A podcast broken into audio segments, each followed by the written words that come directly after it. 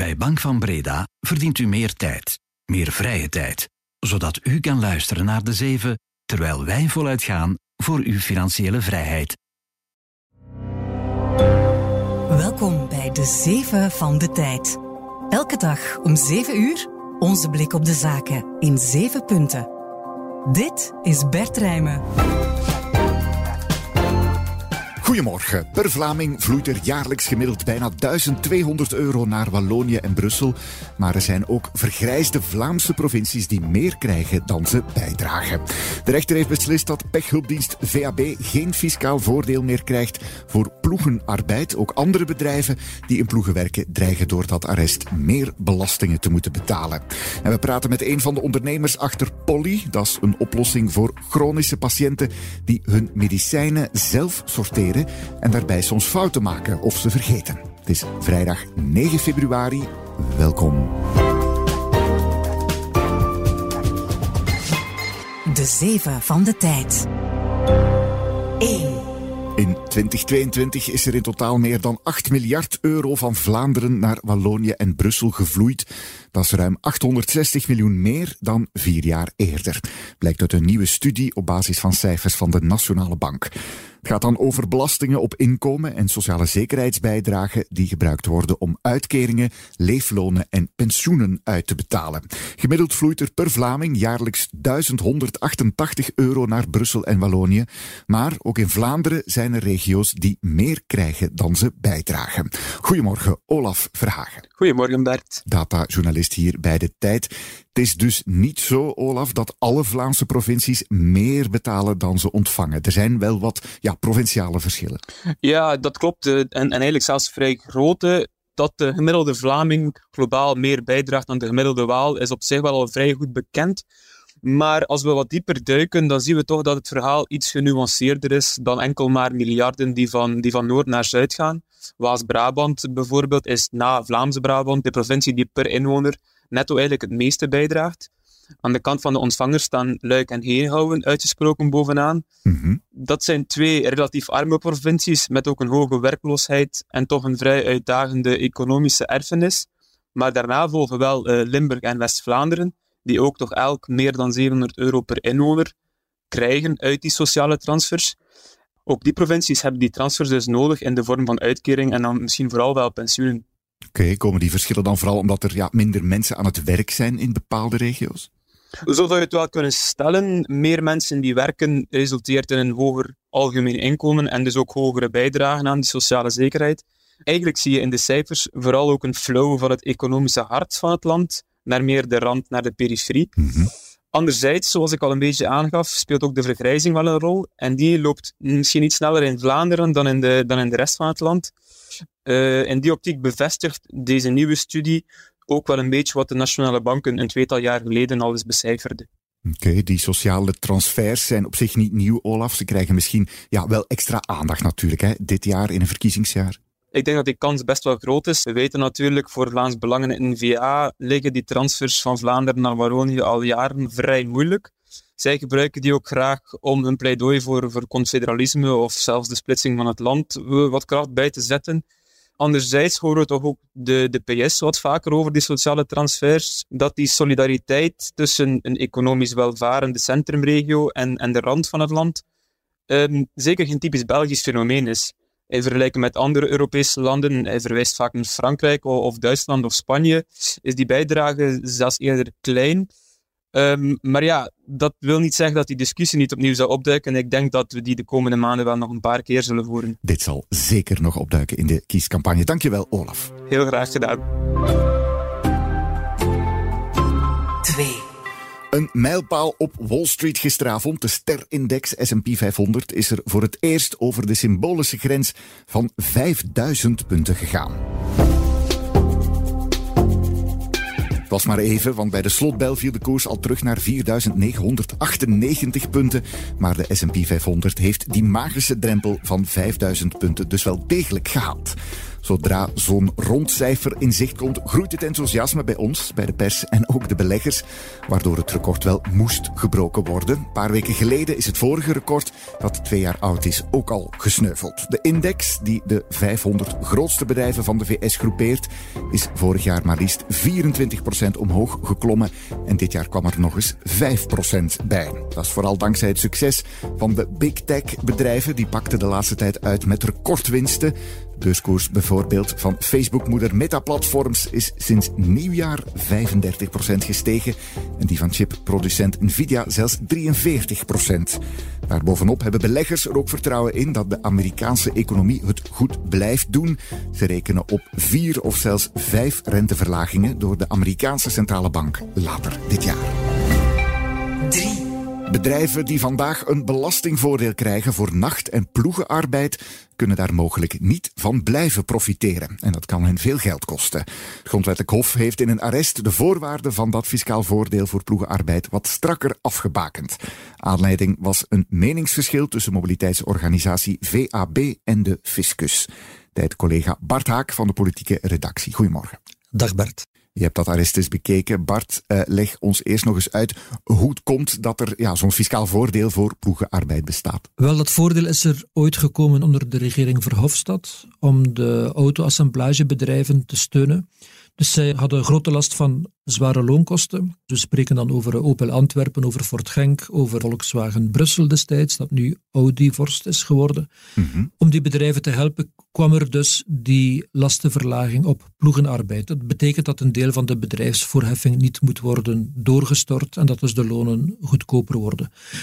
Natuurlijk, in een wet kan je niet zomaar inschrijven, dit fiscale voordeel is alleen voor autobedrijven, dus dat wordt het algemeen geformuleerd. Mhm. Eh, wat er natuurlijk gebeurt is dat doorheen de jaren ook bedrijven in andere sectoren dat systeem zijn gaan gebruiken. Het Grondwettelijk Hof zegt nu dat ja, de pechhulpdienst VAB er geen recht op heeft. Bart, waarom? Wel, dus de VAB uh, eh, redeneerde, wij werken ook in ploegen. We hebben pechverhelpers die naar uh, automobilisten gaan van s'nachts en s ochtends vroeg tot, tot s avonds laat. Mhm. En dus wij vragen dat ook. Fiscus heeft gezegd, nee, dat vinden wij niet. Het is tot een rechtszaak gekomen, die is tot bij het Hof van Cassatie en nu het Grondwettelijk Hof gekomen. En dat Grondwettelijk Hof zegt nu, ja, wij, wij willen toch terug naar de strakke definitie van wat een ploegenarbeid is. Het moeten om ploegen gaan die hetzelfde werk doen met hetzelfde aantal mensen. Bij de VAB bleek dan dat de ene ploeg zochten ze op over het hele land 3200 uh, eh, bewegingen deed, automobilisten gaan helpen of, of takelen, terwijl er dan overdag veel meer gebeurde. De rechter heeft daarover gezegd, nee, dit is niet de ploegenarbeid zoals het bedoeld was in die uh, fiscale wet. Oké, wat is nu ja, de mogelijke impact, Bart, van dit arrest op andere bedrijven of, of sectoren? Wel, aangezien veel andere sectoren het ondertussen gebruiken, uh, komt iedereen wel in het vizier om nog eens ja, zich te onderwerpen aan die nieuwe test van is wat wij doen, ploegenarbeid. Mhm. En dus bijvoorbeeld, ik denk voor de industrie die in ploegen werken aan machines of aan assemblagelijnen, dat zal wel blijven, dat zal blijven kunnen. De chemie uh, wellicht hetzelfde, dat zijn heel zware productiebedrijven. de logistiek of IT, dat wordt al, al moeilijker, omdat daar vaak een piek is s ochtends, met, met grotere ploegen, eh, overdag misschien wat minder, of omgekeerd. Dus dat soort bedrijven gaat hier echt moeten naar kijken, misschien zich uh, anders organiseren of dat fiscale voordeel komt daar uh, in het gedrang. En dat kan die bedrijven dan toch veel geld kosten. Dankjewel, Bart. Graag gedaan. 4.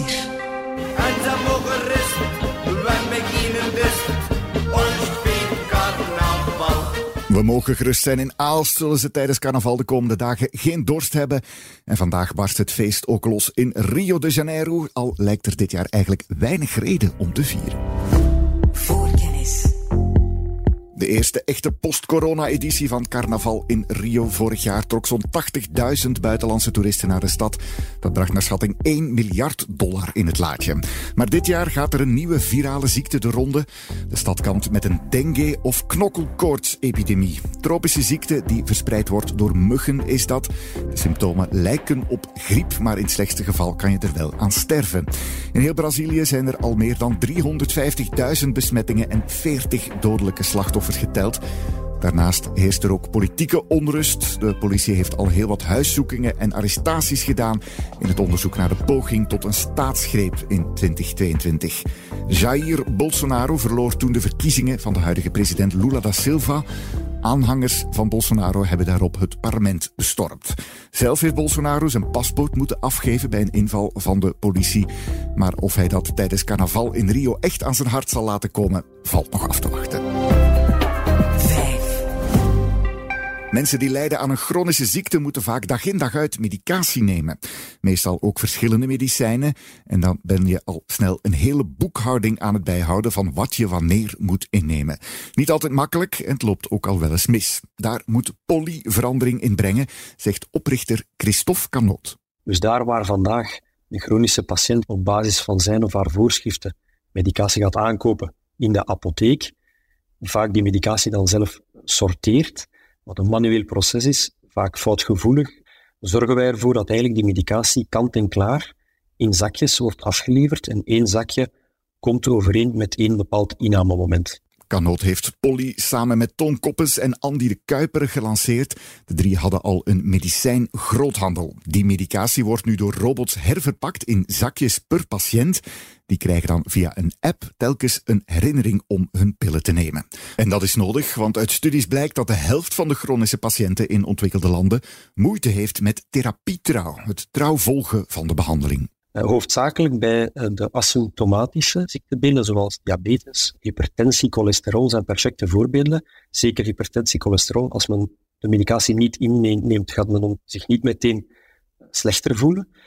Maar slechte therapietrouw zorgt voor verspillingen van geneesmiddelen, zorgt voor onnodige consultaties, zwaardere behandelingen die dan plots onnodig worden voorgeschreven en in het slechtste geval ook voor vermijdbare hospitalisaties. Polly is een gratis dienst voor apothekers en voor patiënten die dagelijks meer dan vier medicijnen innemen.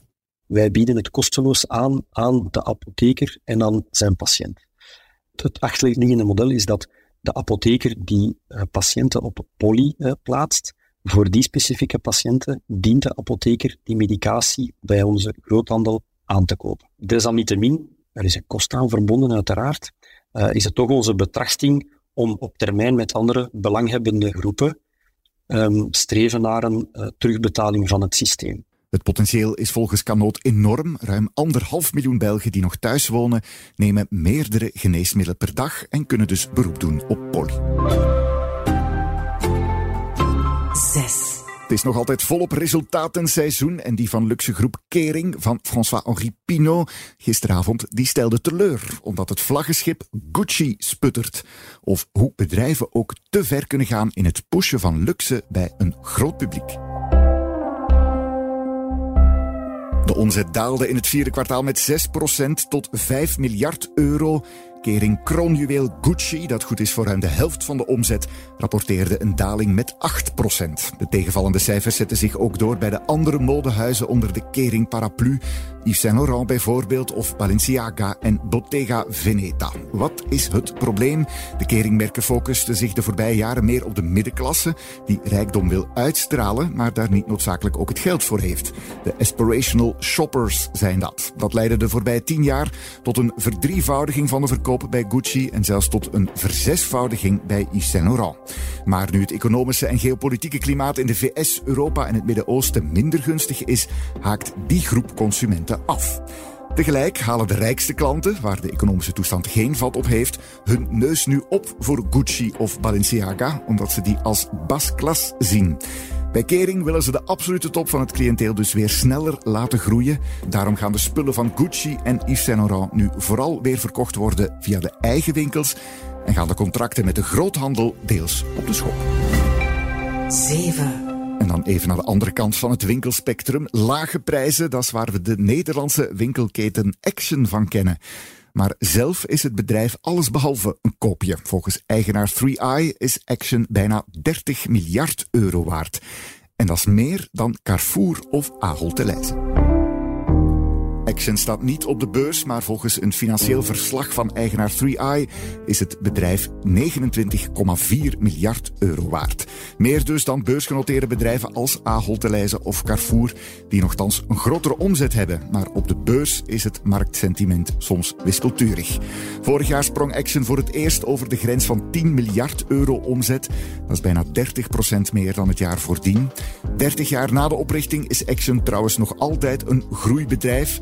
Ze hebben vorig jaar meer dan 300 nieuwe winkels geopend in de 11 landen waar ze actief zijn. Maar de omzet van de oude winkels is ook nog eens met bijna 17% gegroeid.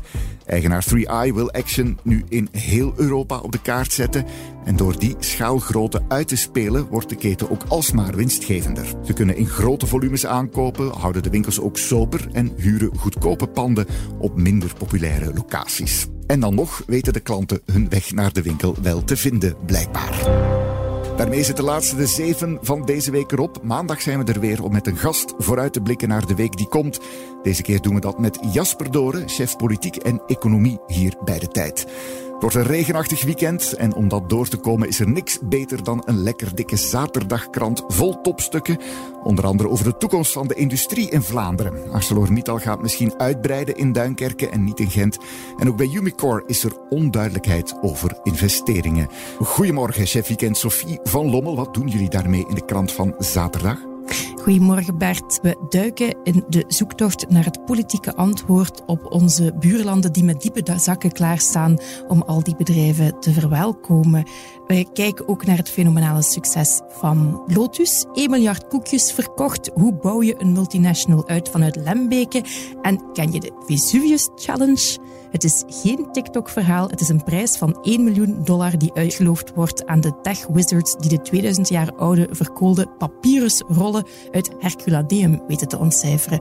Of dat gelukt is, lees je in de krant. Dankjewel, Sophie. Kopen dus die krant morgen of lezen op tijd.be. Ik neem nu even vakantie. Maandag is Roan van Eycker om jullie door een nieuwe De Zeven te loodsen. Fijn weekend. Dit was De Zeven met Bert Rijmen. Productie door Lara Droesaert van op de redactie van De Tijd. Voor meer business en straffe nieuwsverhalen, check tijd.be of onze app. Maandag zijn we er weer. Fijn weekend.